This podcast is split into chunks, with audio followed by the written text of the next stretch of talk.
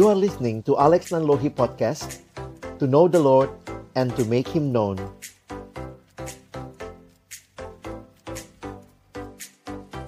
Kita berdoa sekali lagi sebelum nanti kita akan membaca merenungkan firman Tuhan.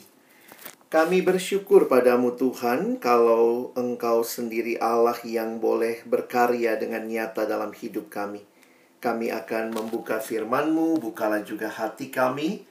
Jadikanlah hati kami seperti tanah yang baik, supaya ketika benih firman-Mu ditaburkan, boleh sungguh-sungguh berakar, bertumbuh, berbuah nyata di dalam hidup kami. Tolong kami bukan cuma jadi pendengar firman yang setia, mampukan dengan kuasa pertolongan dari rohmu yang kudus, kami dimampukan menjadi pelaku-pelaku firman-Mu di dalam kehidupan kami. Bersabdalah ya Tuhan, kami sedia mendengarnya. Dalam nama Yesus kami menyerahkan pemberitaan firman-Mu. Amin. Ya, selamat pagi Bapak Ibu sekalian. Terima kasih tadi sambutannya Pak Pendeta Regi dan juga uh, ada Pak Anies juga, saya coba share apa yang saya siapkan untuk hari ini. Jadi tema yang diberikan kepada kita, the joy of witnessing ya, sukacita untuk bersaksi dan saya pikir kesaksian yang kita dengar tadi sudah begitu luar biasa bagi kita. Dan saya juga bersyukur mendengar bahwa Bapak Ibu Saudara sekalian juga adalah orang-orang yang sudah diteguhkan untuk melayani dalam masa atau pelayanan dalam periode yang saat ini sedang dijalani. Dan saya mengutip beberapa slide dari hasil survei bilangan research yang dikeluarkan awal tahun ini. Nah, ini beberapa survei yang saya coba uh, highlight buat kita pagi ini berkaitan dengan kehidupan orang muda dan juga gereja secara umum. Jadi survei yang dilakukan nampaknya di dalamnya ada orang-orang yang masih muda sehingga mereka coba keluarkan di dalam beberapa slide ini tetapi juga mencakup jemaat secara umum. Maksudnya yang dewasa juga termasuk. Kita lihat yang orang muda dulu satu dari tiga anak muda Kristen Indonesia menganggap bahwa semua agama menyembah Tuhan yang sama. Ini sebuah kenyataan yang cukup menyedihkan begitu ya. Masih ada yang berpikir ya satu dari tiga dikatakan menganggap semua agama menyembah Tuhan yang sama. Selanjutnya, ini masih anak muda juga. Satu dari tiga anak muda Kristen Indonesia menganggap bahwa perbuatan baik saja dapat menyelamatkan. Dan ini realitanya ya yang hasil survei. Satu lagi tentang anak muda. Satu dari empat anak muda Kristen Indonesia mendukung pernikahan beda agama. Wow. Jadi gimana ini ya kalau kita bicara orang muda karena mereka melakukan surveinya kepada responden 1137 orang-orang yang Kristen atau mengaku Kristen yang ada di dalam gereja. Ini hasilnya. Nah, untuk orang-orang dewasa dan termasuk semuanya begitu ya. Bapak Ibu bisa lihat ya. Dua dari tiga orang Kristen Indonesia tidak aktif memuridkan orang lain dalam tiga bulan terakhir. Wah, ini nggak tahu juga apakah dampak pandemi ya. Jadi akhirnya mungkin kelompok-kelompok yang tadinya ada sama-sama dalam pemuridan, eh jadinya nggak aktif begitu ya. Nah, dan mungkin yang relate sama kita juga hari ini, satu dari dua orang Kristen Indonesia tidak aktif memberitakan Injil kepada orang lain dalam tiga bulan terakhir. Nah, ini datanya. Dan satu dari lima orang Kristen Indonesia menganggap penginjilan kepada teman adalah hal yang nggak baik. Nanti merusak relasi begitu ya. Nah, jadi ini hal-hal yang ditemukan di dalam survei. Nah, hari ini saya ingin mengajak kita waktu berbicara the joy of witnessing. Saya ingin mengajak kita melihat tiga hal saja dalam waktu yang terbatas. Yang pertama, kita akan melihat tentang berita Injil. Yang kedua, kita akan melihat tentang pemberita Injil. Dan yang ketiga, kita akan bicara tentang proses memberitakan Injil. Nah, saya mulai dengan yang pertama ya. Memahami berita Injil. Bapak Ibu Saudara yang dikasihi Tuhan, sering kali kita juga lupa bahwa sebenarnya berita Injil adalah sebuah berita yang sungguh luar biasa. Ketika Yesus lahir, Perhatikan dalam Lukas pasal 2, kalimat malaikat adalah aku memberitakan kepadamu kesukaan besar untuk seluruh bangsa. Kadang-kadang kalau ditanya apa itu Injil, semua bisa jawab dengan lantang, berita sukacita. Tapi apakah kita paham betul bahwa ini adalah berita kesukaan besar untuk seluruh bangsa? Seringkali untuk memahami berita sukacita, mungkin kita perlu tahu dulu emangnya ada berita duka cita apa ya. Jadi sering kali berita sukacita bisa makin dipahami ketika kita mengerti berita duka citanya. Apakah berita duka cita terbesar di bawah kolong langit ini?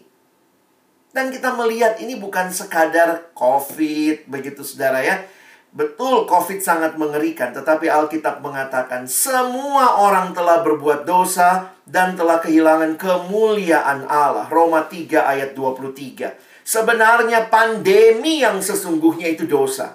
Sin is the real pandemic karena melanda semua manusia tanpa kecuali.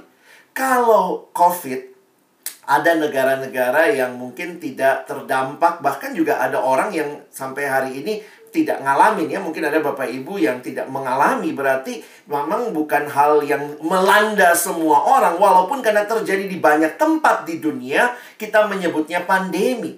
But sin actually is the real pandemic. Semua orang tanpa kecuali telah berbuat dosa dan telah kehilangan kemuliaan Allah. Dan berita ini ditegaskan lagi oleh Paulus dengan apa yang menjadi ujung akhir cerita hidup di dalam dosa. Sebab upah dosa ialah maut. Roma 6 ayat 23. Upah dosa ialah maut. Tetapi karunia Allah ialah hidup yang kekal dalam Kristus Yesus Tuhan kita. Seringkali kalau orang ditanya apa Roma 6 ayat 23 Jawabnya sebab upah dosa adalah maut Wow jangan begitu saudara ya Itu cuma Roma 6 ayat 23a Mesti baca sampai bawahnya. Karena sebenarnya yang A itu adalah berita duka citanya. Tetapi yang B bicara berita sukacita. Injil adalah kabar sukacita. Karunia Allah ialah hidup yang kekal dalam Kristus Yesus Tuhan kita. Berita tentang dosa, upahnya adalah maut, binasa. Dan karena itu, ketika Yesus lahir, masih ingat kalimat malaikat kepada Yusuf yang berniat menceraikan Maria diam-diam lalu malaikat tampak kepada Yusuf dan berkata, "Iya, maksudnya Yusuf jangan ceraikan Maria ya. Iya, Maria akan melahirkan anak laki-laki dan engkau akan menamakan dia Yesus karena dialah yang akan menyelamatkan umatnya dari dosa mereka." Ini berita sukacitanya. A savior was born jadi kalau Bapak Ibu Saudara menghayati berita Injil, ini adalah berita yang sangat dibutuhkan oleh semua manusia tanpa kecuali. Kenapa? Karena semua orang telah berdosa dan telah kehilangan kemuliaan Allah. Apa itu Injil? Injil adalah kabar baik, berita sukacita yang intinya tentang Yesus, di mana Allah melalui kematian dan kebangkitan Kristus memperbaharui manusia berdosa dan seluruh ciptaan agar diperdamaikan dengan Allah dan dapat hidup bersama Allah dalam langit yang baru dan bumi yang baru. The joy of witnessing, why? Kenapa kita bersuka cita waktu bersaksi? Karena natur dari berita Injilnya adalah berita sukacita. Sehingga sadari betul betapa dunia membutuhkan berita ini. Dan saudara dan saya yang telah mengalami kasih Tuhan, mengalami hidup yang dibaharui di dalam Kristus, maka kita dipercayakan berita yang sama untuk kita bawa dan beritakan di tempat di mana Tuhan hadirkan kita. Jadi pahami beritanya. Nah, yang kedua, kita pahami diri kita. Tentunya setelah kita menerima kasih karunia Allah, Tuhan pun memanggil kita untuk menjadi sang pemberita Injil. Pemberita Injil bukan hanya orang yang menjadi pendeta, penginjil, guru-guru sekolah minggu. Oh, itu tugasnya mereka. Tetapi setiap orang yang telah mengalami Injil adalah pemberita Injil itu. Betapa indahnya kedatangan mereka yang membawa kabar baik. Roma 10 ayat 15. Nah, saya ingin mengajak kita melihat sebentar bagaimana kita bisa memiliki hati sebagai pemberita Injil yang benar-benar sukacita. Kalau kita perhatikan, ada satu cerita di dalam Perjanjian Baru di Injil Lukas. Kisah ini tentang Yesus sedang menceritakan tentang tiga cerita yang hilang ini ya.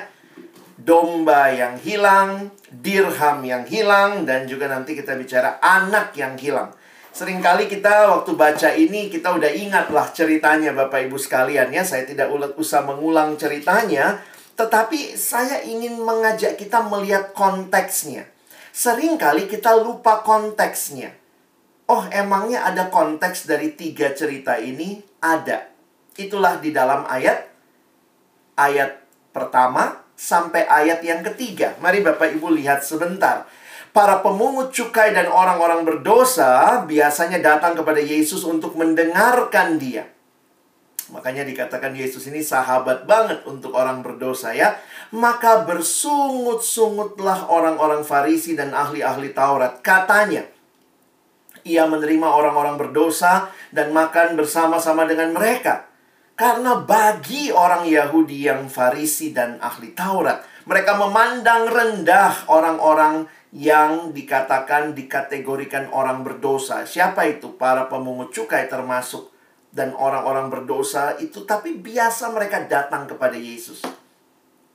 Lalu, ia, Yesus mengatakan perumpamaan ini kepada mereka. Jadi kalau Bapak Ibu perhatikan, apa sih tujuannya Yesus cerita tiga perumpamaan? Untuk menjawab sungut-sungut mereka. Jadi waktu saya perhatikan konteksnya, jadi menarik untuk memperhatikan apakah di dalam bagian ini kita lebih mirip orang Farisi dan ahli Taurat atau lebih mirip Yesus? Nah, kira-kira seperti itu ya. Karena perumpamaan-perumpamaan ini diceritakan untuk memberikan sebuah konteks menjawab sungut-sungut mereka. Masih ingat cerita pertama? Ada domba satu yang hilang. Lalu gembalanya itu tinggalkan sembilan-sembilan dan pergi cari yang satu itu. Dan perhatikan, selanjutnya di ayat 5. Dan kalau ia telah menemukannya, ia meletakkannya di atas bahunya dengan gembira. Bapak Ibu Saudara, saya waktu cari gambar agak sulit ya. Karena banyak gambar-gambar di internet itu tidak terlalu menunjukkan gembiranya. Beberapa ada yang taruh di bahu juga ya. Tapi saya juga waktu persiapan saya jadi mengerti, wow, Tuhan mencoba memberikan gambaran yang menarik tentang joy di dalam menemukan domba yang hilang. Jadi diletakkan di atas bahunya dengan gembira. Ini gambar yang paling cheerful yang saya temukan dan kalau saya tidak salah tadi waktu cari-cari memang cuma ini gitu ya yang kelihatan joy-nya, gembiranya. Perhatikan ayat 6. Dan setibanya di rumah, ia memanggil sahabat-sahabat dan tetangga-tetangganya serta berkata kepada mereka, Bersukacitalah bersama-sama dengan aku, sebab dombaku yang hilang telah kutemukan. Nah, ini hal yang menarik. Perhatikan warna yang berbeda. Bersukacitalah bersama-sama dengan aku. Dan ayat tujuhnya, Bapak Ibu perhatikan ya, ayat tujuhnya ini bicara bukan hanya sukacita di situasi cerita ini, tapi Yesus menarik perumpamaan ini memberikan makna. Aku berkata kepadamu, demikian juga akan ada sukacita di sorga. Karena satu orang berdosa yang bertobat lebih daripada sukacita karena 99 orang benar yang tidak memerlukan pertobatan. Jadi Yesus mau bilangnya begini Bapak Ibu ya. Kok aku kumpul sama orang berdosa, kamu sungut-sungut? Bukankah waktu mereka kembali kepada Tuhan, harusnya kamu bersuka cita? Oh menarik saudara, jangan lupa yang namanya Farisi, yang namanya ahli Taurat itu pengurus di dalam sinagoge pada masa itu. Orang-orang yang aktif pelayanan.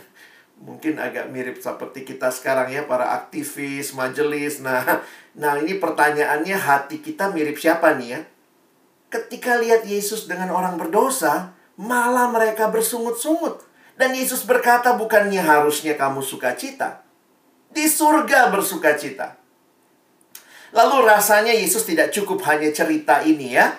Yesus lanjut ayat 8 nanti kalau Bapak Ibu lihat dia lanjut cerita tentang perumpamaan perempuan yang kehilangan dirhamnya. Lost coin. Lalu kemudian dia menemukan, dia cari dan dia menemukan. Lihat lagi Bapak Ibu Saudara ya. What next?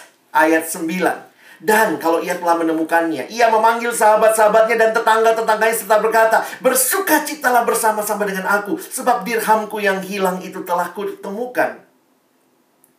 Ini juga gambar yang paling sukacita. Beberapa gambar lagi nyapunya ya, nyari dirhamnya. Saya pas lihat, wow, ini yang paling cheerful. Panggil sahabatnya, dirhamku yang hilang telah kutemukan. Lalu saudara perhatikan ayat 10. Yesus tarik lagi di dalam sebuah konteks kerajaan Allah. Aku berkata kepadamu demikian juga akan ada sukacita pada malaikat-malaikat Allah karena satu orang berdosa yang bertobat. Nah, harusnya cukup ya sudah dua perumpamaan. Yesus rasa kurang cukup nih, ditambah lagi. Nah, di situlah kita lihat ya perumpamaan yang ketiga, anak yang hilang. Bapak Ibu Saudara udah tahu ceritanya ya. Bagaimana dia pergi dari rumah bapaknya, bapaknya belum mati, dia bilang jual, minta warisan, begitu ya. Lalu kemudian dia berfoya-foya, dia menderita, dan akhirnya dia pulang. Apa yang kita bisa lihat dari cerita ini? Waktu dia pulang, dituliskan di ayat 20. Maka bangkitlah ia dan pergi kepada bapaknya ketika ia masih jauh ayahnya telah melihatnya. Lalu tergeraklah hatinya oleh belas kasihan. Ayahnya itu berlari mendapatkan dia lalu merangkul dan mencium dia. Bapak Ibu sekalian, kalau kita mengerti ini mungkin kita akan kaget gitu ya. Nggak ada sebenarnya ayah Yahudi dalam konteks pada masa itu yang lari menyambut anaknya. Yang ada itu anaknya yang harusnya lari kepada bapaknya ya. Tetapi ini sebuah situasi yang tidak biasa. Dalam sebuah tafsiran mengatakan berarti ayah itu harus mengangkat jubahnya dan berlari mendapatkan anaknya. Itu tidak lazim untuk seorang yang sudah cukup tua seperti ini. Di konteks budaya Yahudi, dilihat kakinya oleh orang banyak atau oleh hamba-hambanya itu tidak lazim. Tapi ayahnya ini mengangkat pasti jubahnya dan dia berlari mendapatkan anaknya merangkul dan mencium dia. Apa yang terjadi? Ada sebuah sukacita tetapi ayah itu berkata kepada hamba-hambanya, lekaslah, bawa kemari jubah yang terbaik, pakaikanlah itu kepadanya, kenakanlah cincin pada jarinya, dan sepatu pada kakinya, dan ambillah anak lembu tambun itu, sembelihlah dia, dan marilah kita makan dan bersuka cita. Sebab an anakku ini telah mati dan menjadi hidup kembali. Ia telah hilang dan didapat kembali. Maka mulailah mereka bersukaria apa yang terjadi selanjutnya. Anak sulung pulang. Waktu dia pulang, dituliskan anak sulung berada di ladang ketika ia pulang dekat rumah, ia dengar bunyi seruling dan nyanyian tari-tarian. Ini berarti ada pesta, ada sukacita. Lalu ia memanggil salah seorang hamba dan bertanya kepadanya, apa arti semuanya itu? Jawab hamba itu, adikmu telah kembali dan ayahmu telah menyembeli anak lembu tambun karena ia mendapatnya kembali dengan sehat. Nah lucu ya. Kokonya ini begini ya, marah. Maka marahlah anak sulung itu dan tidak mau masuk. Sebenarnya ini juga satu hal yang menarik Bapak Ibu ya. Kalau dia tidak mau masuk ya sudah di luar saja. Tapi lihat seorang bapak yang luar biasa. Lalu ayahnya yang keluar dan berbicara dengan dia. Apa yang dikatakan ayahnya? Anakku, engkau selalu bersama-sama dengan aku, dan segala kepunyaanku adalah kepunyaanmu. Kita patut bersuka cita dan bergembira. Karena adikmu telah mati dan menjadi hidup kembali, ia telah hilang dan didapat kembali. Dalam terjemahan berbahasa Inggris digunakan istilah it was fitting to celebrate and be glad. Sehingga Yesus ingin menyatakan melalui tiga perumpamaan berturut-turut. Dia ingin menyatakan betapa kasih Allah yang luar biasa kepada orang-orang yang terhilang. Tapi pertanyaannya, Apakah yang menjadi respon orang Farisi ahli Taurat? Dan ini juga perlu kita tanya ya. Kadang-kadang banyak orang senang dapat jabatan dalam pelayanan, tetapi apa yang sebenarnya di dalam jabatan-jabatan itu Tuhan percayakan? Tuhan percayakan pelayanan Injil kepada kita. Pertanyaannya, apakah hatiku? Ya tanya sama Tuhan ya. Eh, periksa diri kita, apakah hatiku Tuhan seperti hatimu? Hatimu adalah hati yang bersuka cita. Apakah sukacitamu itu juga menjadi sukacitaku? Bahkan satu bagian yang saya baca dalam persiapan ya, mengatakan begini Bapak Ibu ya. Jangan-jangan kalau kita udah lama nggak bersuka cita, itu karena kita nggak PIPI ya. Karena kalau kita ber, berPI, kita memberitakan Injil, maka seharusnya ada sukacita melihat perubahan pertobatan seperti yang disaksikan tadi oleh Pak Timotius, oleh uh, Injil yang tadi juga uh, mahasiswa praktek dari saat tadi ya. Nah, saudara coba periksa hidup kita. Find your lost joy by rejoicing with God. God rejoices when sinners repent. Ini yang kedua. Yang pertama tadi natur beritanya memang berita sukacita. Yang kedua, pemberitanya harus punya hati seperti hati Tuhan yang juga bersukacita. Karena itulah sebenarnya panggilan kita. Dan proses yang ketiga. Memahami proses pemberitaan Injil. Proses penginjilan. Bapak Ibu ada satu cerita lagi, mungkin tidak sanggup kita bahas detail, tapi saya cuma bacakan di Injil Lukas bagian awal. Ini adalah panggilan yang dialami oleh oleh Lewi atau nama lainnya Matius. Jadi pada waktu itu, kemudian ketika Yesus pergi keluar, ia melihat seorang pemungut cukai yang bernama Lewi sedang duduk di rumah cukai. Yesus berkata kepadanya, "Ikutlah aku." Maka berdirilah Lewi dan meninggalkan segala sesuatu lalu mengikut dia. Dan Lewi mengadakan suatu perjamuan besar untuk dia di rumahnya dan sejumlah besar pemungut cukai dan orang-orang lain turut makan bersama-sama dengan dia. Eh, kejadian lagi ya. Orang-orang Farisi dan ahli-ahli Taurat bersungut-sungut kepada murid-murid Yesus. Apa sih intinya? Mereka selalu melihat mengapa kamu makan dan minum bersama-sama dengan pemungut cukai dan orang berdosa. Mereka lebih melihat sesuatu yang sifatnya ritualistik ketimbang menangkap inti hati untuk memberitakan kabar baik karena ada orang-orang yang belum mendengar tentang Injil. Dan Yesus memberikan pengajaran seperti ini. Lalu Yesus menjawab kepada mereka, Bukan orang sehat yang memerlukan tabib, tetapi orang sakit. Aku datang bukan untuk memanggil orang benar, tetapi orang berdosa supaya mereka bertobat. Jadi apa yang terjadi harusnya mereka responi dengan sukacita melihat sebagai kesempatan Injil diberitakan. Sekali lagi, mereka gagal menangkap hal itu. Bapak Ibu Saudara yang dikasihi Tuhan, tapi saya mau mengajak kita memperhatikan situasi yang tadi karena saya memberi judul ini proses memberitakan Injil. Perhatikan ketika Lewi telah bertemu dengan Tuhan dan kemudian memutuskan mengikut Tuhan. Tapi ayat 29, Lewi mengadakan suatu perjamuan besar untuk siapa? Untuk dia di rumahnya. Jadi Lewi tuan rumah. Eh, menarik ya. Dan sejumlah besar pemungut cukai, orang lain turut makan bersama dengan dia. Ini siapa yang ngundang ya? Saya yakin sih Lewi yang ngundang ya. Mungkin ini pesta perpisahan dia dengan teman-teman sejawatnya. Tetapi poin yang menarik adalah apa? Perjumpaan Lewi dengan Kristus membawa dia rindu orang-orang yang dekat dengan dia, yang kenal dengan dia. Karena dia pemungut cukai, lingkaran bisnisnya, lingkaran pekerjaannya pemungut cukai. Dia undang mereka dan mereka pun makan bersama-sama. Bukan dengan Lewi ditulisnya ya. Coba lihat ayat 29 akhir itu ya.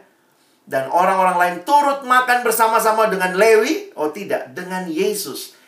Saya membayangkan Lewi mungkin bahkan duduknya agak nyamping ya. Biarkan tamu-tamunya boleh berinteraksi dengan Yesus. Apa yang saya mau bagikan kepada Bapak Ibu Saudara sekalian, ingatlah penginjilan itu sebenarnya bukan bicara program, tetapi sebuah gaya hidup. Proses pemberitaan Injil saya senang tadi dengan apa yang Pak Timotius sampaikan karena banyak orang sibuk sama metode. Tetapi saya tidak menolak metode. Silahkan pakai metode apa saja. Tetapi lebih dalam dari metode, saudara perlu menjadikan motivasi memberitakan Injil, kerinduan yang dalam, dan itu adalah sebuah gaya hidup. Di mana pun kita hadir, biarlah orang melihat hidup kita. Kadang-kadang kita karena oh ini bulan PI, oh bulan ini PI, nanti bulan lain nggak usah begitu ya. Oh bukan seperti itu. Seharusnya Injil itu menyatu dalam kehidupan kita. Itulah sukacita tidak disettingan Bapak Ibu sekalian ya. Bukannya pencitraan. Wah karena majelis harus P ini. Aduh karena majelis harus besuk. Harus penginjilan. Aduh karena saya aktivis. Saya bidang doa. Saya bidang misi. Saya harus lakukan. Bukan karena jabatan yang pertama dan terutama. Tetapi karena hati yang mengalami Injil itu. Sehingga muncul kehidupan yang terus mau memberitakan Injil. Bukan hanya dengan perkataan. Kadang-kadang perkataan gampang saudara ya. Tapi orang juga lihat hidup saudara. Saya ingat ketika seorang pendeta bilang, kalau saya mau cari majelis katanya, saya pergi ke rumahnya. Saya akan wawancara. Siapa yang saya wawancara? Uh, istrinya, suaminya, anaknya?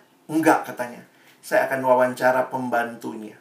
Karena dari situ saya tahu dia orang seperti apa. Bisa jadi kelihatannya baik, kelihatannya ngomongnya luar biasa, tapi kepada orang yang mungkin tanda kutip dalam situasi posisi yang rendah. Apakah dia juga bersaksi? Apakah dia juga menyatakan hidupnya secara utuh? Saudara kita tidak menjadi orang yang tampil rohani karena status, tampil rohani karena program, tapi penginjilan menjadi sebuah gaya hidup. Karena itu Paulus dan dalam Injil kita melihat ya bagaimana itu semua menyatu. Kita lihat kalimat yang ditulis Petrus dalam konteks penderitaannya 1 Petrus 2 ayat 12. Milikilah cara hidup yang baik di tengah-tengah bangsa-bangsa bukan Yahudi. Supaya apabila mereka memfitnah kamu sebagai orang durjana, mereka dapat melihatnya dari perbuatanmu yang baik dan memuliakan Allah pada hari ia melawat mereka. Saudara, perkataan yang kita sampaikan tentang siapa Yesus, apa yang dia lakukan bagi kita itu penting. Tetapi juga tidak terlepas dari cara hidup yang baik yang kita lakoni karena Injil telah mengubah hidup kita. Ada kalimat dalam bahasa Inggris berkata, your words atau your uh, your attitude ya atau perilaku saudara speaks louder than your words. Your life speaks louder than your words. Biarlah orang melihat Kristus nyata dalam hidup kita. Bukan hanya di perkataan kita, tetapi di keseharian kita. Karena itu sekali lagi saya tidak menolak metode, silahkan gunakan metode apa saja, tetapi biarlah saudara menjadi orang yang secara utuh hidupmu memberitakan kebenaran. Saya mungkin uh, suggest satu hal yang kalau bagi Bapak Ibu Saudara yang kadang-kadang mikir, iya Pak, tapi bagaimana caranya? Sebenarnya nggak sulit ya. Benar tadi yang dikatakan Pak Regi gitu ya. Yang dipraktekkan mungkin Pak Anies. Hidup memberitakan Injil itu ya jalani aja Bapak Ibu ya. Ini seperti sebuah perjalanan. We are on a journey. Nah, di dalam journey ini Tuhan kadang hadirkan kan ada orang-orang yang ketemu sama kita di dalam journey kita di rumah, mungkin di pekerjaan begitu ya, di perkuliahan kalau masih kuliah, di kampus, di sekolah. Nah, yang menarik Nah, ini beberapa pendekatan uh, saya bilangnya pendekatan ketimbang metode ya. pendekatan-pendekatan berkaitan dengan penginjilan yang sekarang itu dikaitkan dengan pendekatan cerita. Jadi setiap kita tuh pasti punya cerita, sadar atau tidak. Makanya kalau kita melihat hidup, nah hiduplah dalam pemahaman ada tiga cerita sebenarnya yang sedang overlapping satu sama lain. Cerita siapa yang pertama? Ceritanya Allah. Yang kedua, cerita saya. Yang ketiga, cerita orang lain. Nah, jadi makanya uh, pendekatan ini tidak bicara metodological, tetapi mari hidupi ceritamu dan kita sama-sama dengan orang yang lain, dengan cerita dia, kita bawa dalam terang ceritanya Allah. Coba kita mulai sebentar ya. Ceritanya Allah, his story, apa sih yang terjadi dengan ceritanya Allah bagi hidup manusia? The gospel is God's story about how God entered our story and planned a rescue, a repair, and a renewal of our life. Cerita Allah dalam hidup kita adalah sebuah cerita penyelamatan, pembaharuan. Jadi itulah God's story. Tapi itu kan overlapping dengan cerita kita kan? Nah, makanya dalam cerita kita, kesaksian kita, yang kita saksikan itu apa? Saksikan bagaimana Injil mengubah hidup kita. Mungkin hal-hal yang sederhana, bagaimana bersaksi, siapkan ya.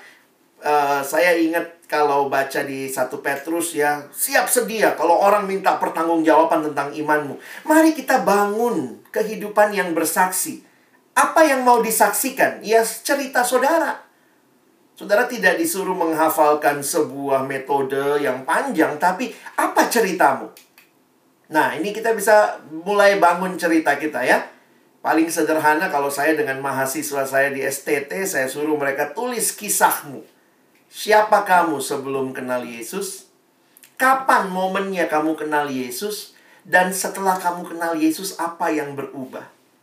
Kenapa cerita saudara dan saya penting? Karena bisa jadi hidup lama saudara itu juga kisah orang. Waduh, sekarang saya sudah merdeka. Dulu saya judi banget. Terus kita ketemu orang yang memang masih judi. Wow, ceritanya bisa nyambung. Gue juga dulu sama kayak lo. Gue nggak lebih baik, tapi saya sekarang begini karena kasih Kristus. Jadi jangan takut, cerita saudara itu akan selalu terkait juga dengan mungkin cerita orang lain ya. Makanya belajar juga dengar cerita orang lain. Apa sih cerita mereka?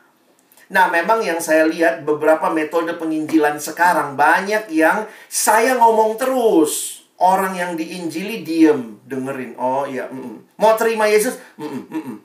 Saya pikir ke depan kita mesti lebih dialogis. Penginjilan yang dialogis, kita pun belajar dengar cerita mereka.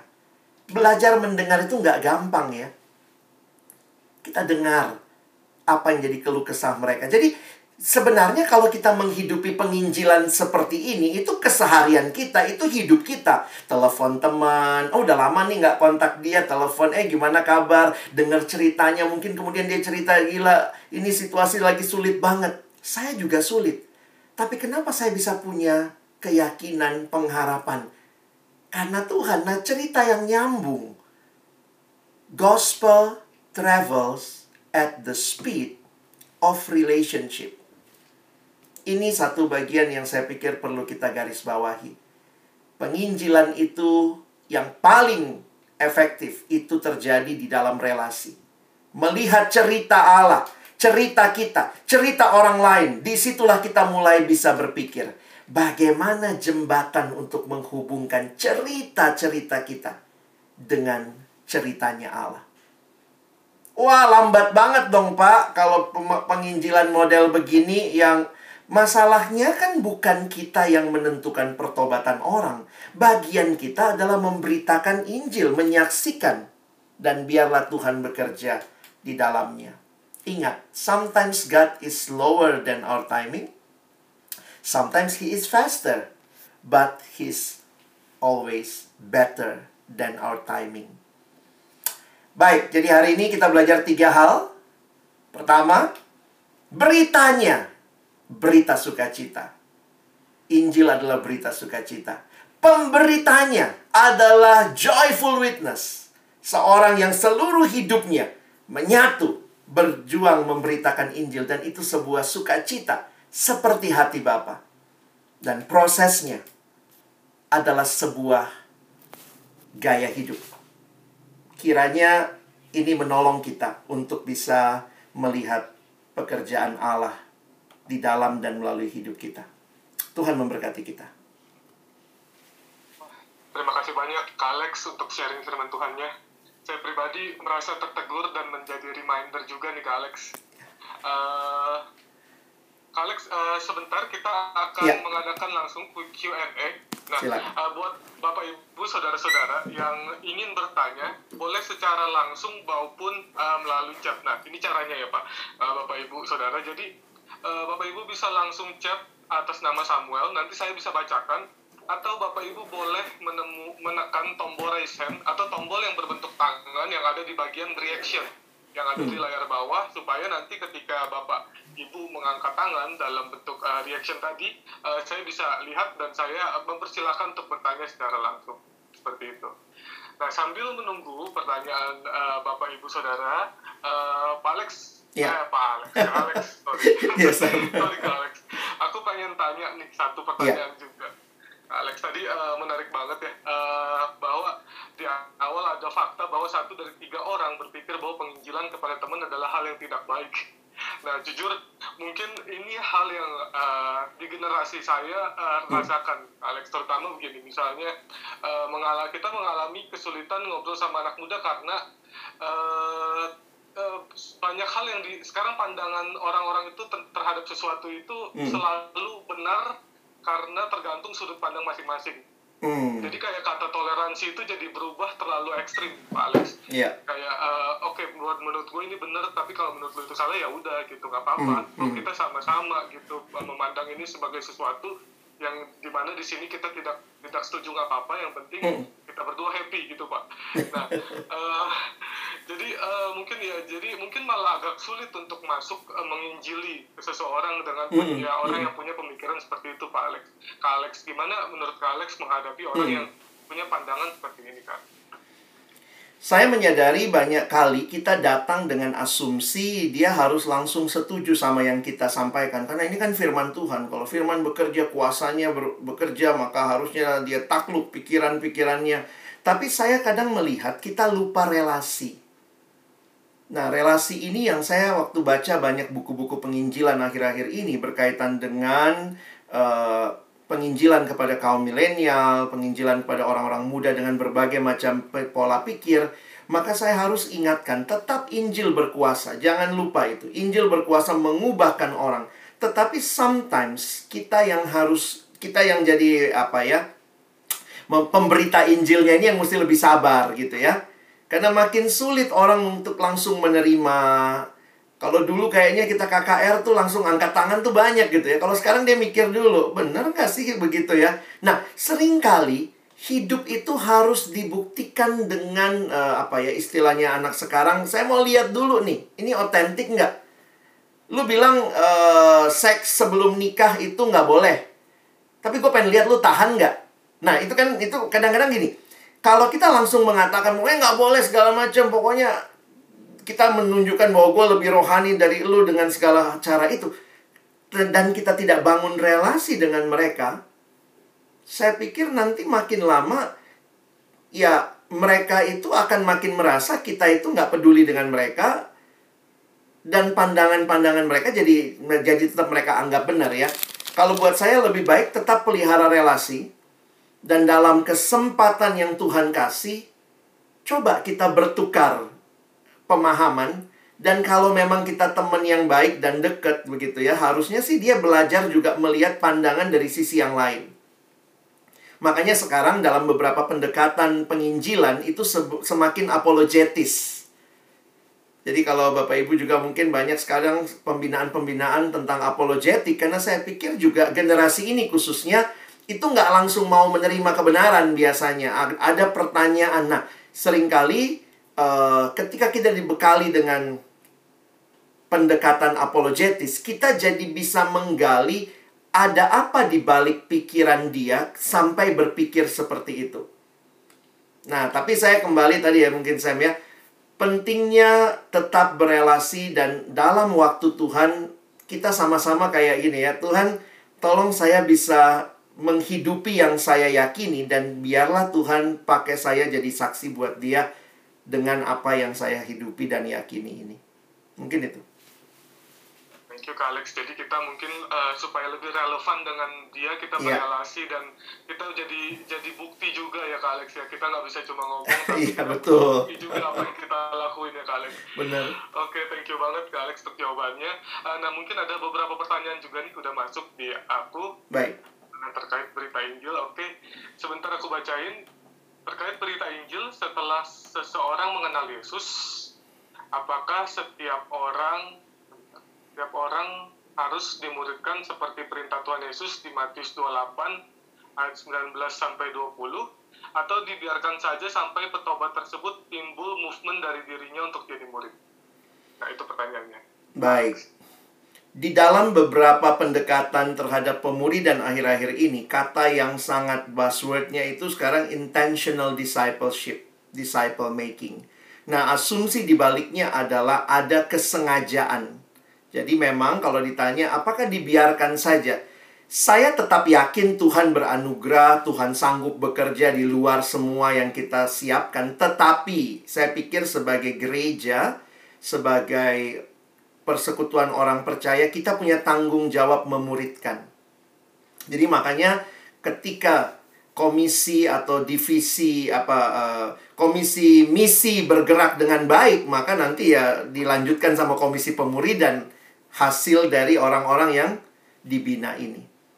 Jadi mungkin saya harus katakan tetap Alkitab sebenarnya menunjukkan Yesus tuh sengaja. Dari mana taunya? Tuhan Yesus ngomong gini ya. Mari ikut aku. Coba kalau saya ajak Bapak Ibu, yuk ikut saya. Bapak Ibu nanyanya apa? Mau ke mana? Banyak orang penginjilan, ayo ikut Yesus. Terus mau ke mana ya habis ikut Yesus?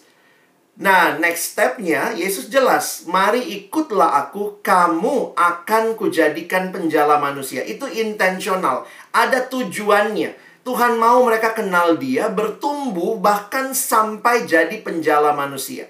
Sebenarnya nggak usah bikin repot-repot visi gereja, gimana-gimana kalimat cantik, itu aja jadiin visi gereja. Bawa orang diinjili, ikut mirip Yesus dan kemudian dia menginjili kembali menjadi penjala manusia. Jadi kalau mau bicara sederhana, Yesus walaupun tidak Yesus nggak bikin program kerja ya, Yesus nggak raker ya, tapi Yesus jelas dia mau ke mana gitu. Jangan sampai kita yang mungkin banyak program bikin raker tapi nggak jelas ini penginjilan nggak disengajakan, pemuridan nggak disengajakan. Saya takut itu banyak gereja seperti itu sekarang. Oke, okay, Alex, uh, ini ada pertanyaan lanjutan nih. Ada oh, pertanyaan okay. yang pertama tadi. Nah, sampai sejauh mana seharusnya peranan gereja untuk pembinaan petobat baru? Apakah harus selalu dimuridkan? Apakah harus melalui kurikulum khusus, Alex? Wah, ini udah agak teknis ya, dan saya nggak tahu persis yang apa yang terjadi di gereja. Tapi kalau buat saya begini, saya menghayati bahwa pertumbuhan seseorang itu adalah tanggung jawab dalam kesatuan tubuh Kristus. Apa maksud jawaban saya? Kesatuan tubuh Kristus itu kadang-kadang begini ya. Ada orang tuh nggak ikut walaupun di gereja udah, disediain nih. Nanti habis tahap ini masuk tahap ini, habis tahap ini masuk tahap ini. Gereja harus punya itu sebagai tanggung jawab organisasi gereja. Tetapi sering kali Tuhan pun sanggup melakukan di luar dari apa yang kita rencanakan. Karena itu saya menghayatinya begini ya. Mari kita semua bergabung. Mari kita sama-sama untuk bisa menjadi tempat bertumbuhnya uh, petobat-petobat baru ini. Saya kasih contoh gini lah ya, uh, maaf ini agak agak sensitif di beberapa tempat. Ada beberapa orang yang dia baru katekisasi, tahu-tahu jadi percaya dari latar belakang kepercayaan yang berbeda. Nah, umur sudah lewat. Kalau mau ikut program, lucu juga nanti ketemunya kalau di level rohaninya dia ketemunya tuh sama anak kecil, anak remaja, anak pemuda. Itu kan belum tentu dia nyaman. Nah, poin saya adalah apakah gereja hanya punya satu jalur untuk orang-orang yang tanda kutip seperti itu? Nah, kalau dia orang yang umum memang lahir besar di gereja, itu mungkin gampang kita masukkan program. Tetapi saya melihat ada beberapa hamba Tuhan yang akhirnya membina orang ini secara pribadi. Jadi tidak lewat hal-hal yang sudah diprogramkan.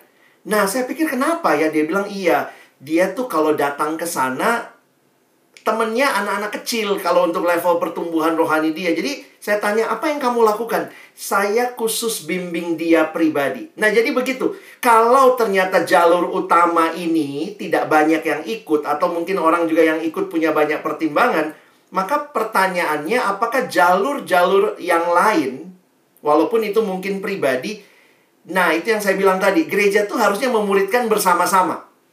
Jangan kalau ini tanggung jawabnya misi, ini tanggung jawabnya pembinaan. Tapi pertanyaannya, jangan-jangan itu tanggung jawab pribadi kita.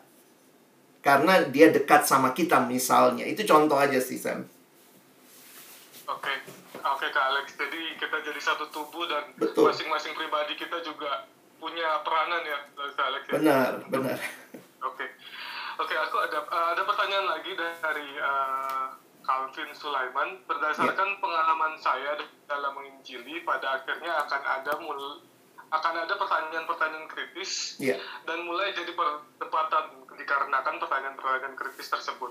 Lalu apakah kita harus terus melakukan penginjilan atau stop dalam perdebatan itu? Nah, kalau stop pada akhirnya akan menggantung apa yang terbaik perlu dilakukan, Kak Alex. Iya.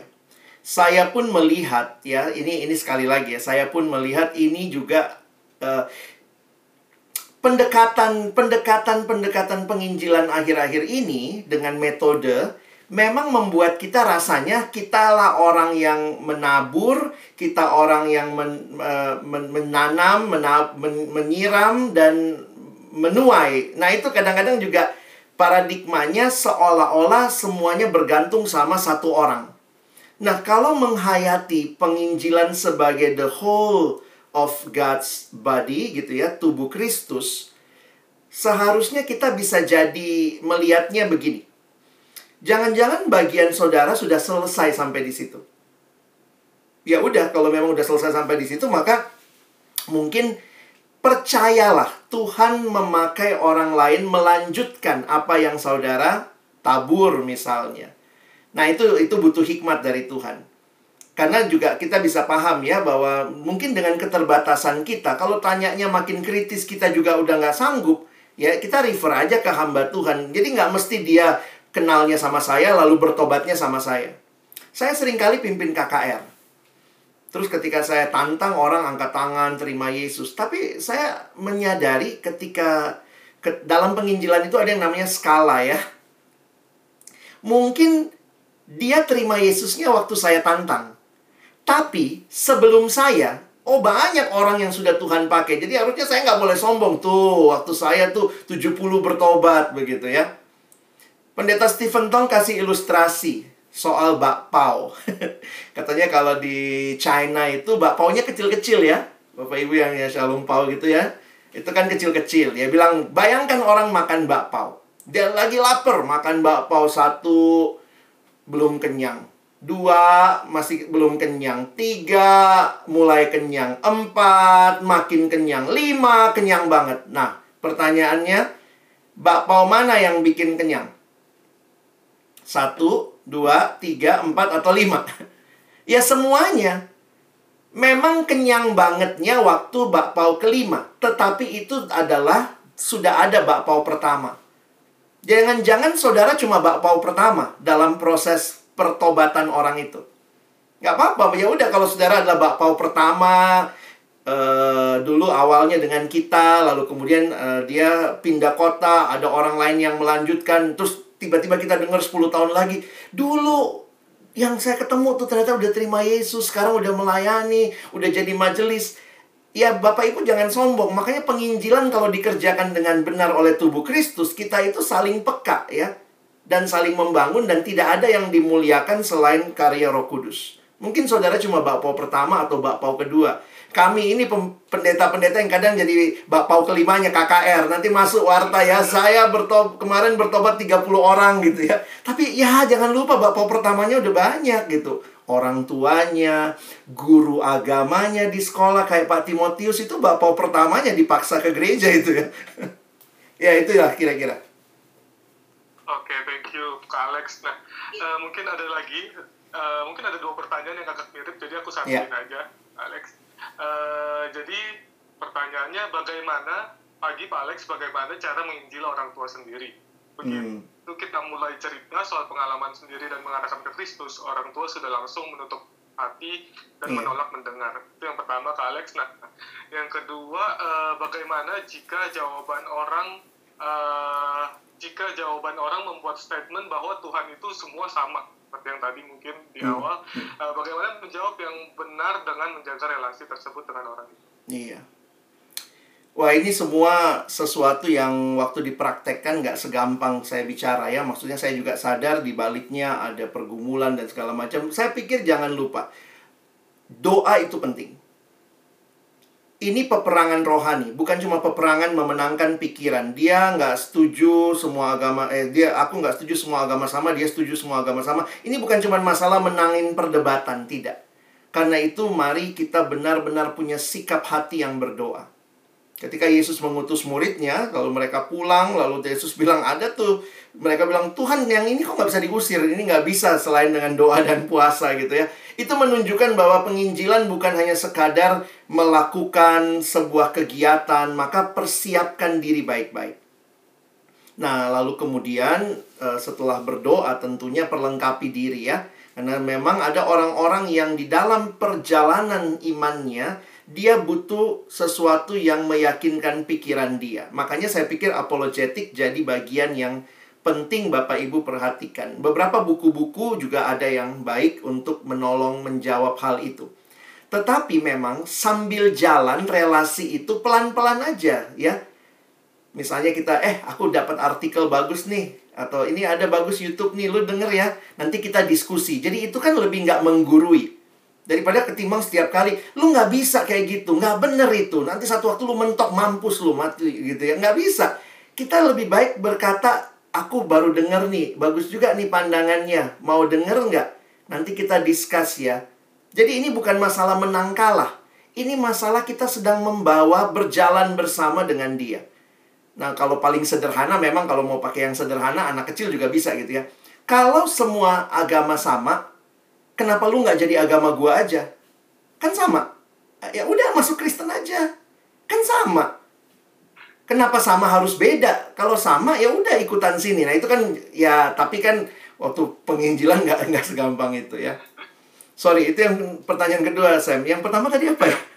Uh, itu Kak Alex. Jadi uh, cara menginjil orang tua sendiri kan. Oh wah uh, ini nih. Menceritakan orang tua langsung menutup hati iya. dan menolak mendengar. Memang posisi anak itu makanya ada yang bilang paling sulit itu menginjili keluarga sendiri. Nah, karena itu saya pikir ya coba dengar Pasti ada Bapak Ibu di sini yang juga pernah punya pergumulan yang sama. Coba dengar kisah-kisah itu. Dan kisah itu memang hanya menunjukkan betapa kita tuh terbatas. Uh, dan di sisi lain, saya melihat kuasa doa sih kalau untuk penginjilan ke keluarga. Dan yang yang berikutnya, nah mungkin begini kali ya, biar kita juga tidak merasa tertekan. Di dalam banyak kasus keluarga, Kadang-kadang Tuhan nggak pakai saudara menginjili keluarga saudara. Tuhan pakai orang lain. Pernah ada yang lihat begitu? Karena mungkin di dalam keluarga itu sudah terlalu banyak hal-hal yang terkait-kait sehingga saya juga bersyukur ya Tuhan dalam banyak hal memakai orang yang mungkin nggak pernah saya bayangkan gitu ya mengunjungi keluarga, kenal keluarga kita. Makanya beberapa orang juga ada yang minta tolong ke hamba Tuhan saya pikir itu adalah cara-cara yang tepat. Tetapi bagi kita yang sudah bertobat, sudah dalam Tuhan, mungkin menangkan dulu cara pandang orang tua saudara terhadap diri saudara dengan perubahan perilaku. Karena itu perubahan perilaku yang paling utama ya. Saya banyak layani anak remaja, susah kak ngomong sama papa mama. Saya bilang, kenapa susah? Karena begitu, iya Tuhan Yesus begini, Papa mesti berhenti judi. Ah, kau bangun pagi aja nggak beresin tempat tidur, mau ngajarin Papa Mama. Jadi kadang-kadang apa yang mereka sudah lihat, kita perlu buktikan dulu sebuah perubahan yang nyata dan tetap terbuka. Jangan menyalahkan diri ya, seolah-olah itu tanggung jawab saudara sendiri. Enggak juga, saya meyakini kalau Tuhan punya kehendak, Tuhan juga akan memakai mungkin orang lain untuk membawa keluarga saudara sama Tuhan. Mungkin itu dulu ya. Oke, baik. Uh, mungkin kita sama-sama juga akan doain uh, yang bertanya tadi ya Iya, untuk betul. supaya orang tuanya bisa uh, akhirnya diinjil dan percaya Tuhan. Hmm. Nah mungkin ada uh, apa ya, ada satu yang akan bertanya langsung dan satu pertanyaan terakhir di chat uh, Kak Alex ya. Jadi dua pertanyaan. Ya. Uh, Laus, oh, oke. Lause Samuel, by the way, saya bukan Lause, saya hanya jemaat biasa. saya mau tanya, apakah penginjilan spesifik kepada orang atau teman yang belum mengenal Yesus atau termasuk or? Bentar, saya- apakah penginjilan spesifik kepada teman yang belum mengenal Yesus eh, atau termasuk orang teman yang sudah mengenal Yesus? Apakah ada prioritasnya? Terima kasih, Iya. eh, Mas Alex. Prioritas itu sebenarnya kita akan apa ya kedekatan kita dengan Tuhan akan menolong kita juga menentukan prioritas. Dan mungkin juga Tuhan bukakan prioritas itu dari apa yang kita temui setiap hari. Mungkin bapak ibu mungkin punya kerinduan wah saya pengen penginjilan di Afrika Afrika gitu ya. Tapi ya mungkin di rumah dulu gitu ya Afrika jauh gitu ya Nah, prioritas itu bisa muncul karena kedekatan lokasi, kedekatan relasi, misalnya suami, istri, anak, orang tua, keluarga besar. Jadi prioritas itu tidak ada apa ya, tidak ada wajibnya ke mana gitu ya. Itu kedekatan saudara dengan Tuhan akan menolong saudara meyakini prioritas mana yang Tuhan bukakan saat ini. Karena itu juga ada masalah kesempatan, ya. Oke, next. Oke, mungkin eh, Civeni boleh silakan unmute dan boleh langsung bertanya ke Kak Alex. ada ya capek ngetik Ya, udah ngangkat dari tadi ya. Iya, mau tanya tadi terkait sama yang saya bilang sih survei di awal. Iya. Eh, sebenarnya kan sebelum kita bisa sampai merasakan sukacita itu sendiri saat seorang bertobat, pasti tuh pertama-tama kita tuh ngerasa nggak nyaman dulu kalau mau eh, Hmm, hmm. kasih tau Injil kan, Iya. apalagi sama teman, apalagi sama yang beda agama gitu kan. Nah, ada tips and trick nggak tuh kak? Hmm, Gimana tuh caranya ngatasin yang ketidaknyamanan sendiri? Jadi sebelum kita mau ngomong aja kayaknya, ih gue ngomong nggak ya, gue ngomong nggak ya, jadi Iya, takut iya. sendiri gitu. Nah itu ada nggak tips and tricknya? Oh, Menghilangkan rasa nggak nyaman itu. Thank you. Makasih. Ya, mungkin juga kita mesti sadar ya, setiap orang itu punya ketidaknyamanan masing-masing. Yang kadang-kadang kalau saya lihat ketidaknyamanannya Feni, mungkin Feni ngelihat ketidaknyamanan saya, kita saling gitu, ya gitu aja nggak nyaman gitu ya. Tetapi setiap orang punya ketidaknyamanannya. Nah, dalam anugerah Tuhan harusnya kita bergerak melampaui ketidaknyamanan itu. Karena biasanya kalau kita menggali dari dalam ya, ketidaknyamanan itu sebenarnya apa yang kita pikir itu akan bikin tidak nyaman. Nah, tapi kan belum tentu itu yang orang lain pikirkan. Nah, eh, kalau dibilang tips and trick, saya sih akhirnya menyadari begini ya. Hmm, kalau basicnya relasi, basicnya persahabatan. Jadi bukan saya juga melihat ada juga orang yang penginjilan modelnya dia pergi ke orang yang nggak dikenal, ketemu di bus percaya Yesus nggak? Kalau nggak masuk masuk neraka ya. Kadang-kadang ada orang lebih gampang PI sama yang dia nggak kenal. Kenapa? Karena nggak ada relasi. Itu namanya hit and run. Begitu dia pukul, dia lari. Kiranya Injil bekerja gitu ya. Tapi ada juga yang bersahabat. Nah, bersahabat ini kadang lebih susah. Karena kan besok kita ketemu, lusa kita ketemu, maunya atau satu kampus, satu kerjaan. Kita nggak bisa lari gitu. Tetapi justru dengan orang seperti itu yang kita takut tuh. Nanti relasi rusak dan segala macam. Nah, poin saya kalau tips and triknya adalah yakini dulu bahwa berita itu dia butuh dengar. Nggak ada orang nggak butuh dengar berita Injil. Kalau benar Alkitab kita, dan saya yakin itu benar, yang berdosa itu semua orang. Nah, masalahnya dia sadar atau tidak. Nah, itu kan masalahnya.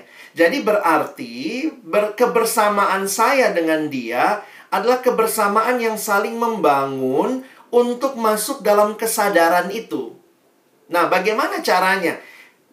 Kadang-kadang jangan metode yang ada ya. Kalau saya lebih kepada begini ya. Kira-kira dia kesepian nggak sih? Nah, kita ngobrol aja tanya, eh, lu kalau sepi ngapain? Jadi, deep talk, pembicaraan-pembicaraan yang dalam. Nah, ini juga kadang Tuhan izinkan orang ngalami pergumulan. Di dalam pergumulan tuh kelihatan tuh. Hal-hal yang dia yakini, dia percaya. Ya, gue udah kekelenteng kemarin nih Kenapa nih orang rumah sakit semua nih gantian si ini si ini. Oh ternyata jadi pembicaraan yang dalam akan membawa kita mengenal beberapa hal yang dia yakini. Nah poin saya adalah terus berdoa dan terus ngobrol sama dia dan belajar menyusun kesaksian kita. Coba aja belajar menyusun kesaksian. Eh, gue juga waktu itu sama kayak lo ya. Wah, lo ke kelenteng kalau gue ke Tuhan Yesus. Aduh, itu. Tapi bener ya, gue tuh yakin banget gitu waktu udah datang sama Tuhan, Tuhan tuh beri kelegaan. Kadang-kadang kita nggak perlu ber berdebat. Saya cuma bersaksi. Saya cuma cerita kok. Nah, makanya beberapa orang yang agak takut bercerita langsung, dia ceritanya di mana? Tulis di status Instagram, status Facebook. Itu juga sebenarnya kadang-kadang saya pikir apa dia nggak berani ngomong langsung, tapi waktu dia tulis itu kan dengan kita berani menulis, ada orang yang membaca, saya pikir itu jadi jalan masuk juga untuk percakapan lebih lanjut. Jadi, mari masuk kepada ke kehidupan, jalani aja hidup. Bagikan apa yang teman-teman nikmati, Bapak Ibu Saudara nikmati sehari-hari dengan Tuhan. Biasakan untuk bersaksi. Nah, nanti kita bisa pakai beberapa metode, misalnya metode EE ya. Metode EE itu kan bagian awal ada tentang memberi kesaksian maka dia katakan jangan menggurui. Kalau bicara kesaksian jangan menggurui, tetapi mulailah dengan bertanya, bolehkah saya ber bolehkah saya cerita? Kalau orang itu bilang boleh, ya kita cerita. Kalau dia bilang nggak boleh, besok coba lagi. Boleh nggak saya cerita? Jadi akhirnya tidak memaksa, tetapi kalau dia bilang boleh, ya kita sharing. Waktu kita sharing, ya kita cuma ingin cerita. Dari cerita kita, biarlah Tuhan bekerja membangun keingintahuan orang itu untuk mengenal siapa Tuhan yang sudah kita saksikan. Jadi uh, mungkin kalau tips and triknya begitu ya, tetapi lebih jauh lagi jalani aja kehidupan dan kerinduan untuk dia boleh kenal Tuhan. Beberapa teman waktu krisis itu kita bisa minta uh, ini ya, boleh nggak saya doakan kamu? Tawarin aja. Dia nggak seagama sama kita, tapi begitu orang ada krisis, biasanya dia mungkin terbuka. Sehingga kita tanya, boleh nggak saya doakan kamu? Oh iya, tolong doain gue ya. Saya akan doakan kamu secara Kristen ya. Ya udah, kita doakan. Nah, kalau sekarang nggak bisa ketemu bagaimana? Pakailah semua yang ada. Ada WA kan? Ada line kan? Kita bisa WA, bisa tuh untuk anak-anak remaja. Kadang saya ajarin juga gitu ya. Kamu nonton video yang bagus. Sekarang kan banyak video-video bagus ya. Tiap hari tuh grup WA keluarga dipenuhi video yang bagus. Coba kita ngobrol sama teman kita. Eh, apa kabar? Eh, minggu ini lagi sibuk apa? Lu lagi ini apa? Terus, eh, gue ada video bagus. Mau lihat nggak? Tanya dulu kan. Kalau dia bilang mau lihat, kita kirim. Habis kita kirim, kita bilang, lu liatnya, waktu lihat lu belajar apa? Kita kan bisa bangun percakapan seperti itu. Nah, itu semua sesuatu yang sudah ada sama kita. Itu bukannya nggak ada. Ya, buka HP Bapak Ibu, lihat di situ siapa yang bisa kita sharingkan, siapa yang bisa kita doakan. Nah, mulailah kita membangun relasi. Thank you. Oke, okay, thank you Kak Alex. Mungkin karena waktu, tapi sejujurnya ada satu pertanyaan lagi. Mungkin kita jawab aja ya. Boleh, uh, saya jawab singkat aja berarti. Uh, yeah. Oke, okay. uh, satu pertanyaan aja. Uh, jadi kakak saya menolak percaya karena mama saya meninggal dalam uh, agama Buddha. Menurut kakak saya, dia mau supaya bisa bersama dengan mama saya. Saya bingung menjelaskan uh, dan saya hanya berdoa dan menyakitkan bagi saya karena saya tidak tahu apakah mama saya menerima Tuhan meskipun sudah pernah diajak ke gereja. Tetapi yeah terakhir takut terima karena takut uh, melepaskan kepercayaan seperti itu uh, Oke. Ketakutan, mungkin ada perasaan ketakutan dan juga Hmm, perasaan hmm. kebingungan gitu. Sebenarnya ini ini butuh waktu ya untuk untuk kepedihan-kepedihan itu biasanya butuh waktu, butuh berdoa dan kemudian sebenarnya begini. eh secara konsep teologis. Nah, kalau bicara konsep-konsep teologis, eh, kadang-kadang dalam percakapan tidak bisa langsung keluar ya. Karena mungkin ada barrier-barrier, jadi hati-hati. Tapi meyakinkannya begini. Yang paling penting bukan kamu sama mama, tapi kamu sama sama Tuhan yang benar atau tidak. Kita tidak bisa bicara tentang kematian orang tua yang sudah berlalu, yang tidak kita tahu, tapi kita sudah mungkin sepanjang hidupnya kita sudah berPI, tapi sampai meninggal dia tidak terima Yesus. Lalu kemudian kalau begitu dia mau bersama mama, ingatkan dia bahwa dia perlu bersama dengan Tuhan, bukan dengan mama. Nenek saya, eh, saya ini eh, saya half Chinese ya. Jadi oma saya itu sampai meninggal dalam agama eh, Konghucu.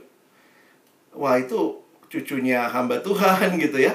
Tapi waktu selama dia hidup, setiap kali ulang tahun mintanya saya khotbah. Jadi kadang waktu dia meninggal tuh dikuburkan secara Konghucu tuh gimana hati ya, gimana rasanya. Kita yakin yang dalam Tuhan bersama dengan Tuhan, tapi ini dia sampai meninggal tidak menunjukkan kepercayaan kepada Tuhan. Tapi saya harus katakan saya tidak mau hidup dalam rasa bersalah karena saya sudah lakukan apa yang saya yakini Tuhan berikan untuk oma saya. Selama dia hidup saya terus memberitakan Injil. Sampai dia meninggal dia belum percaya itu urusannya dia sama Tuhan. Nah, jadi eh, Bapak Ibu ada banyak cerita hidup di mana ikatan-ikatan kita itu perlu kita luruskan. Ikatan keluarga sangat-sangat indah. Saya sayang sekali sama keluarga saya, tetapi saya juga sadar ikatan dengan Tuhan itu jauh lebih kuat. Jadi bukan bersama dengan mama yang penting, tapi kokomu atau koko bapak ibu saudara ada sama Tuhan yang benar dan inilah bagian yang bapak ibu harus yakinkan pelan-pelan ya. Mungkin dia masih punya sakit hati atau apa kenapa demikian nah itu mesti dengan doa, dengan kesaksian hidup sehingga nanti Tuhan akan bawa untuk percaya kalau itu anugerah Tuhan pasti dia akan percaya. Terima kasih. Oke, terima kasih Kak Alex sudah bersedia menjawab pertanyaan-pertanyaan kita hari ini. Semoga apa yang disampaikan Kak Alex bisa kita terapkan dalam kehidupan keseharian kita. Eh, mungkin aku boleh minta Kak Alex untuk doa penutup ya. Baik. Dan mungkin titip doa juga untuk eh, rekan kita tadi yang orang tuanya mungkin belum percaya dan juga Iya. ada yang eh, masih bertumbuh karena orang tuanya eh, sudah. Baik. Mari kita berdoa. Tuhan terima kasih kami belajar dari firman-Mu betapa sukacita ketika hidup kami diubahkan itu juga menjadi sukacita kami memberitakan kebenaran Injil-Mu bagi orang-orang yang ada di sekitar kami yang kami temui. Hamba berdoa secara khusus untuk Bapak Ibu Saudara yang bertanya maupun yang mungkin belum bertanya tetapi punya pergumulan yang sama, bersaksi menginjili keluarga. Tidak mudah. Tantangannya banyak. Halangannya begitu banyak. Ada rasa enggan, tetapi di dalamnya kiranya kami diteguhkan lagi bahwa berita itu berita yang harus didengar. Karena itu kami berdoa Tuhan bagi Bapak Ibu Saudara dalam kerinduannya untuk bersaksi menginjili keluarga Tuhan pakai. Dan kalaupun dengan kesaksian yang langsung diberitakan orang tua menolak, Tuhan engkau Allah yang punya segala macam cara yang unik dalam anugerahmu. Bawalah orang tua kami ini mengenal Tuhan. Mungkin lewat video, mungkin lewat tayangan televisi, mungkin lewat apa saja Tuhan. Tapi terutama juga mungkin Tuhan pakai orang lain untuk datang dan memberitakan Injil. Kami sungguh berdoa dalam anugerahmu. Bekerjalah Tuhan. Pakai anak-anak berdoa, menyerahkan diri kepada Tuhan. Terus bersaksi. Terus hidup baik menjadi teladan di dalam rumah tangga. Inilah kerinduan kami. Dan bagi saudara tadi yang juga bergumul untuk koko yang masih sulit percaya. Merasa diri ingin bersama mama, ingatkan bahwa hidup yang utama bukan bersama dengan orang-orang yang kami kasihi secara manusia, tetapi lebih lagi apakah kami bersama dengan pencipta kami, penebus kami, satu-satunya Tuhan yang benar. Dan tolonglah kiranya pergumulan-pergumulan ini diatasi, dilewati bersama dengan Tuhan. Terima kasih untuk hari ini kalau Tuhan sudah buka hati kami, membakar semangat kami, tolong kami bukan hanya jadi pendengar, tapi jadikan kami pelaku-pelaku firman-Mu. Secara khusus bagi Bapak Ibu Saudara dalam tugas tanggung jawab pelayanan yang Tuhan sudah berikan sejak Bapak Ibu Saudara ini diteguhkan. Tuhan pakailah bagi kemuliaan-Mu. Kami bersyukur buat sesi ini dalam nama Yesus kami berdoa. Amin.